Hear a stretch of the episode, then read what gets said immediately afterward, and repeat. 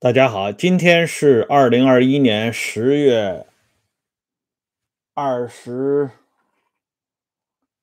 呃，十月三十号啊，已经不是二十几号了，明天就是十月份的最后一天了。呃，今天我们继续直播这个黄宗英的丈夫冯一代啊，作为一名告密者，或者是作为一名卧底，他的一些啊不俗的这个范例。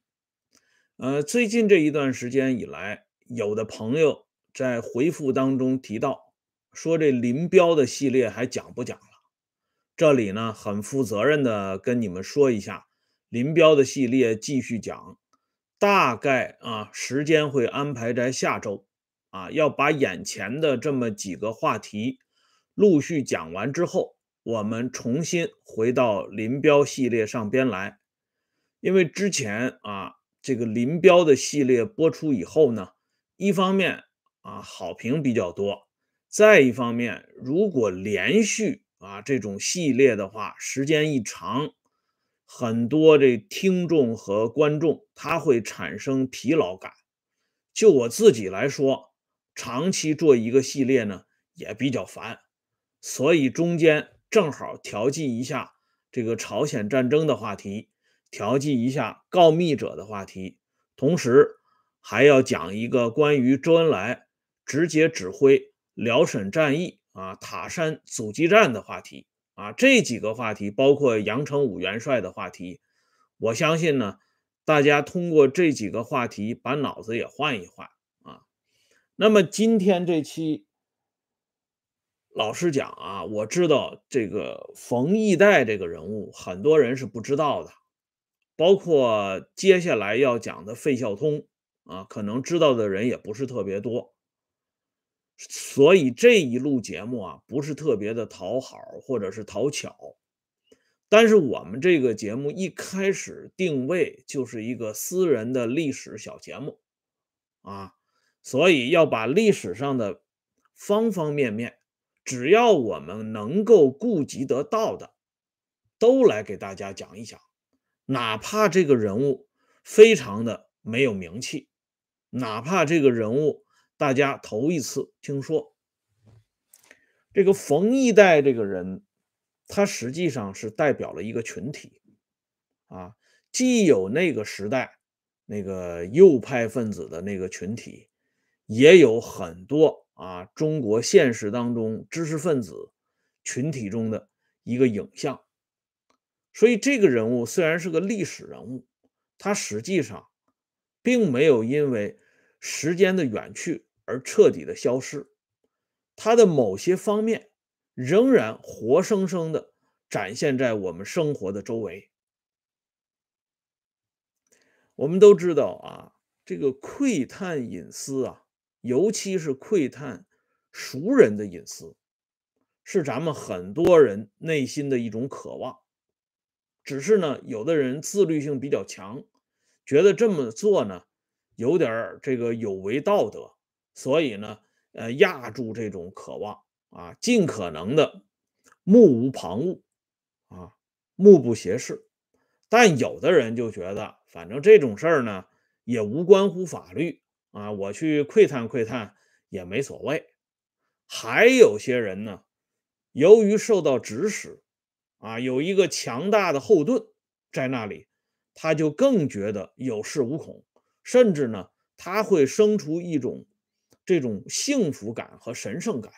他觉得我做这件事情不仅不缺德，而且呢，我还是应该去做。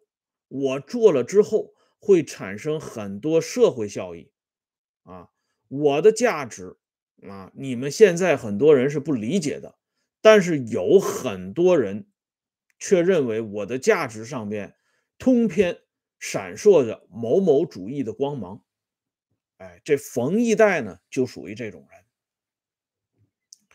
不仅说啊，窥探熟人的隐私啊是一种这个渴望，其实你看，我们大家平常在日常生活里，这个炫耀啊都有炫耀的时候，老百姓话讲叫显摆这个显摆通常也是在熟人面前。你看这个古人讲衣锦还乡，那其实还是向熟人炫耀，向熟人显摆。包括这高层人物，你说汉高祖刘邦啊，回到他的故乡沛县，那还不是向他的父老乡亲们显摆，当年的小地赖啊、小泼皮、小流氓刘三儿回来了，现在呢已经是君临天下、威加海内的大人物了，都是这样。哎，而对于冯一代来讲，说实话啊。张伯钧在他面前就是一个这样的例子，因为张伯钧从官方角度来说，人家是行政三级啊，这什么概念呢？这是国务院副总理的级别。哎，张一和老前辈在他的那本成名作《往事并不如烟》那本书里边已经给大家讲过，他们家没垮台之前。啊，住的那个房子，大大小小的房间加在一起有七十多间。哎，大家想一想啊，这是什么概念？就说那个时代北京市的房子便宜啊，可是七十多间房子林林总总啊，你想想，一般人肯定没享受过。哎，所以呢，张伯钧对于冯一代来讲，那一度是高高在上的人物，而且张伯钧这个人的历史渊源很久，啊，他与这个党的早期重要领导人周恩来、朱德都有不是泛泛的交往，其中像朱德啊，朱德是张伯钧。在一九二三年，加入党组织的入党介绍人，而且朱德呢是唯一的介绍人。哎，这入党啊，这个仪式介绍人是很重要的，这点我们就不用多说了。所以，这个张伯钧在平常的时候是冯一代这种啊，贴着副局级，其实是县团级干部。需要非常仰望的人，可是由于一九五七年这件事情之后，啊，张伯钧与冯一代同是天涯沦落人了。哎，张伯钧家里门庭若市的那个情况没有了，行政级别也被下调了好几级。哎，而冯一代受到组织上的指派，去进行。秘密的监视和监督张伯钧的改造工作，这就让冯一代本人内心就产产生出一种啊非常有趣的这种渴望。他这回终于可以名正言顺的，并且呢有一点高人一等的感觉，进入到张伯钧他们家这七十多座房间里边了。所以啊，这个张伯钧、李建生夫妇。对冯一代的来访非常高兴啊！这个日记当中呢，多次给大家介绍过，他在张伯钧家里呢吃的很好，尤其那个年代啊是困难时期，这些高级点心、高级糖果、高级香烟都是紧着这些高级干部的。哎，冯一代不到那个级别，他是享用不了这些东西，但在张伯钧家里呢，他是拿来主义。啊，想吃就吃啊，想喝就喝，非常舒服。而且同时，他要把张伯钧、李建生，哪怕是在饭桌上说的话，都要小心翼翼的记录下来。我记得当年有一个很有名的大作家叫张天翼，啊，曾经是中国作家协会啊和人民文学的主要负责人之一。这张天翼老先生。曾经有一部小说叫《华威先生》，啊，像我们家老太太他们那代人呢，在读书的时候都专门学习过这这个小说。这个小说里边描绘的那个华威，就是国民党的狗特务，啊，经常去以参加各种会议为名，啊，了解我人民的动向，然后呢向他的主子进行汇报。所以这个华威先生啊，是一个很好的反面教材。大家看完之后，像我们家老太太他们这些人，到今天都记得，啊，觉得这个华威先生呢面目可憎，啊。但是这位冯一代先生呢，不巧的是啊，他也在做着类似于这方面的工作。当然了，两者之间不具备可比性。一方面呢是为反动政府出力，一方面呢。是为党和人民添砖加瓦啊！冯一代先生呢，自己分的是很清楚的。那么这里边呢，就涉及到一个个人主观的问题啊。我以前在讲这个周恩来的时候，咱们就了解过这个情况。传统的教科书上经常讲，周恩来在那场啊是非颠倒的年代里。他说了很多违心的话，做了很多违心的事儿。这简而言之的话呢，让很多人当年都迷惑不解，就是说到底说了哪些违心的话，做了哪些违心的事儿。但是通过对历史事实的考据，我们会发现，这些所谓的违心的话和违心的事儿。在很多情况下，并不违心，而是他主观上产生的一种能动性啊，他会非常乐于去说这些话，非常乐于去做这些事情，因为不是主观上产生极大的共鸣，他不可能，周而复始。日复一日，年复一年的说这些话，做这些事情。冯一代卧底的经历和他在日记当中思想的流露，就为我们做出这个结论做了一个极好的旁注。我们来看一看冯一代是怎么说的啊？冯一代的日记呢，通常在张伯钧家卧底之后呢，他都会写上两句话啊。啊，或者是嘲讽张伯钧，或者是啊这个糟改两句张伯钧，以表示他自己的立场站得很稳。比如说这一天的日记，这是一九五九年啊，一九五九年二月十八号星期三，这天的日记呢，他是这么写的：下午去张家听了一下午的废话。啊，这就说张伯钧跟他说的话都是废话，但他接下来这句话是很关键的。我自己想，思想上力争上游，那就要把思想红起来，而要想思想红，首先是改变立场，以唯物主义辩证法来看世界，改变自己的思想方法，建立革命的人生观。哎所以就应了那句话：“主观不努力，一切都白费。”这冯一代已经意识到了，他要靠拢党和人民，必须彻底的洗刷自己的思想。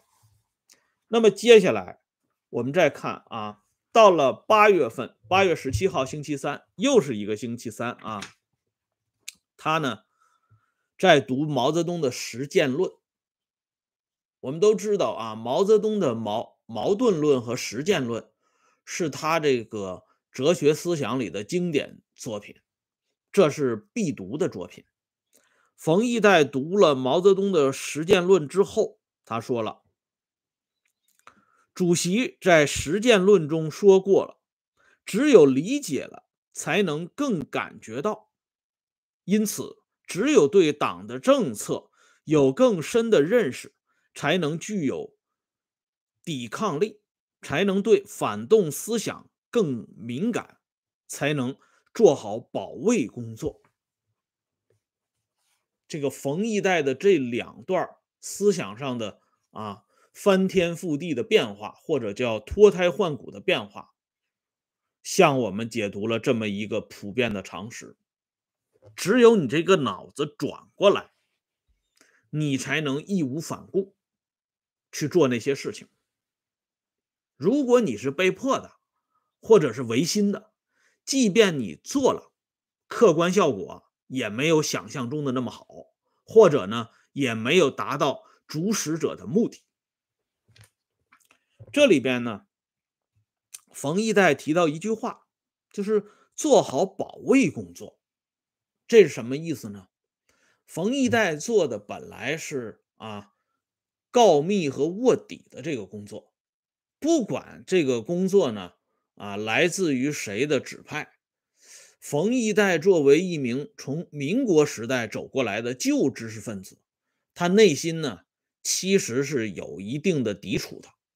昨天我给大家介绍过，冯一代的奶奶在冯一代小的时候就教导过他，不要学曹操啊，不要轻易的辜负他人。哎，冯一代在回忆录里说。他的奶奶给他讲的这段话，是他平生听到的最愉快的一句话。所以这一次呢，让他去当这个告密、告密者和卧底，他心里其实是有一些啊沟沟坎坎的，迈不过去。但这个时候，冯一代的上级组织啊，这个老刘同志就告诉冯一代。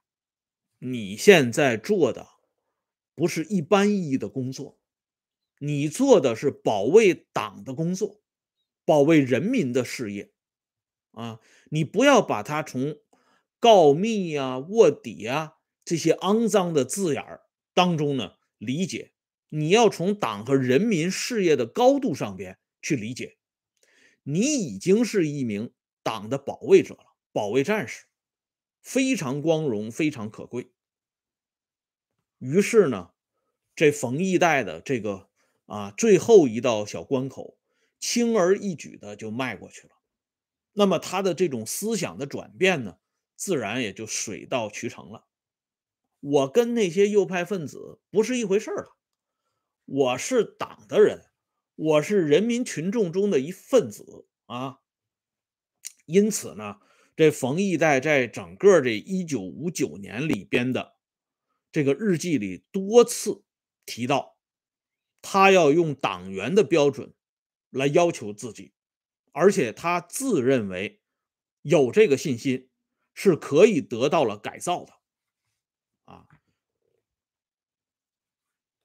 他的这个话呢，啊，不仅他自己赞同，到了一九五九年十二月上旬。连他的妻子郑安娜跟他一起表态，说：“党对于我的信任的光荣是一种说不出的愉快，我一定要好好工作，争取党员的光荣称号。虽然我目前的努力还是十分不够的，必须常常的与自己的思想做无情的斗争。换句话说呢？”他早年听到的最愉快的那句话啊，“宁使他人负我，不使我负他人。”如今呢，已经变成了更为愉快的一句话啊，那就是党对他的信任的光荣是最愉快的。哎，所以呢，大家来看一下啊，这冯一代思想的转变是一个什么样的过程？但是光有精神上的鼓励是不够的，组织上呢对这点拿捏的其实是很准确、很精、很到位的。在一九六一年八月七号星期一这天的日记里边，冯一代有这么一个记录啊，他的上级领导老刘同志跟他说啊，有什么个人的花费。可以用，这话是怎么提起来呢？是因为这个老刘又给了冯一代一些钱，充当冯一代活动经费啊。因为冯一代经常要到这些大牌的知识分子家里，到他的监督对象家里，你不能总是空手去。如果动用冯一代自己的工资，冯一代当时因为已经化成右派分子了，他的工资呢也不太多。而且买的东西呢肯定拿不出手。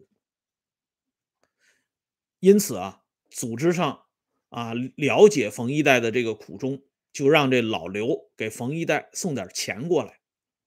在描述这段过程的时候，冯一代用的词很有意思，我给大家念一下啊。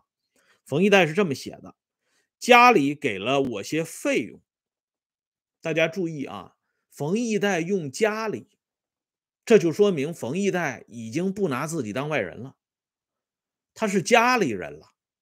从一个阶级异己分子摇身一变变成了家里人，而当这个老刘同志给了他钱，并且明确告诉他你可以使用这些钱的时候，冯一代的觉悟也非常高。冯一代写道：“我总觉得能够不用家里的钱最好，虽然近来常常缺少代理的钱。”哎，这个冯一代的觉悟真的是提高了。家里给他钱，他觉得要是不用家里的钱，给家里省点钱，那是最好不过的了。鉴于冯一代这种蹭蹭上升的政治觉悟，家里对冯一代也开始刮目相看了。最直接的表现是到了一九六一年年底，给冯一代的级别工资予以恢复。冯一代在。一九六一年十二呃十一月二十三号星期四的日记当中是这么写的啊，他说昨天组织上给我调整了工资为十五级，每月一百二十四元。李大姐说我有什么意见还可以提，我除了感谢党对我的关怀外，还有什么意见可提呢？这是我的进步，我以为这是一个人改造的起码的条件。今天之所以有所改，是党的恩赐，但还必须随时警惕。那意思呢？自己不能，千万不能翘尾巴。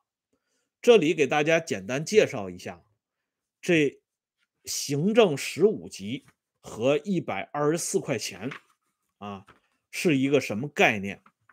这行政十五级，按照当初一九五五年划定的工资级别来看，这属于县团级，在部队呢是正团职干部。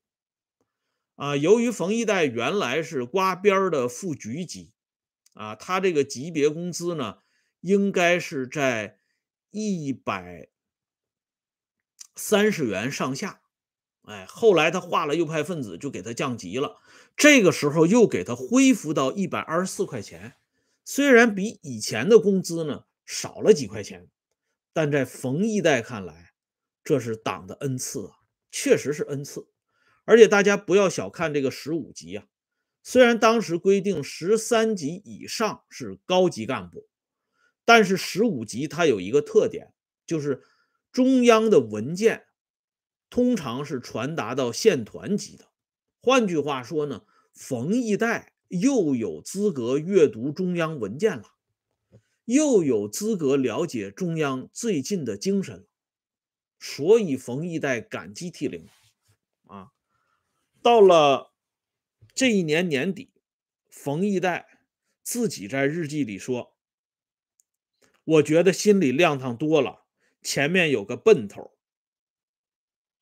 一想到党给我的信任和期望，我就立刻勇气百倍了。啊，就是说这个人呢，终于活出了自我。啊，在他看来，他终于可以又算是党和人民当中的一份子了，终于与张伯钧之流拉开了天壤之别呀。哎，只是呢，这个冯一代啊。有一点是他最后人生最大的一个遗憾，就是党呢没有接纳他成为党员啊。这个冯一代当初对这件事情呢有一点心理呃思想准备。他说过，当时啊有人跟他谈起贺龙同志讲过的一段话，说贺龙呢说他自己曾经申请入党多达六十次。最后呢，党组织才接纳了贺龙，因此那个时候冯一代就给自己下决心，他说：“你看，贺龙同志尚且如此，啊，他冯一代一个右派分子，多申请几十次，甚至上百次，那都是在所不惜的。只是冯一代没有想到，一直到他去世为止。”申请了这么多年，几十年呢，组织上仍然在考验他。哎，这一点恐怕是冯一代留下的最大的遗憾之一了。好了，那么今天呢，我们通过对冯一代的这一段思想上的转变，我们可以看到，对于一名右派分子，党和人民能把他改造成党和人民的保卫战士。啊，那么其他啊不如冯一代的，或者级别比冯一代还低的人物，难道还在话下吗？好了，啊，今天的话题呢就说到这里，感谢朋友们上来打赏支持、点赞收看，欢迎大家关注温相说时政，经常会有更新。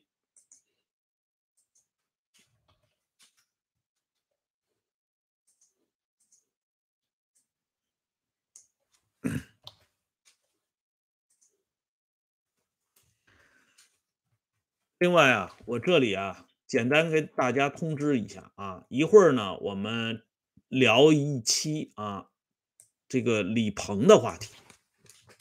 昨天在电报群里啊，我们有几个朋友突然谈到这个李鹏啊，所以今天一会儿呢，大概十五分钟到二十分钟以后啊，如果大家还没休息的话，咱们再上来一起呢。简单来聊聊李鹏，哎，好了，今天的节目呢就先说到这里，再见。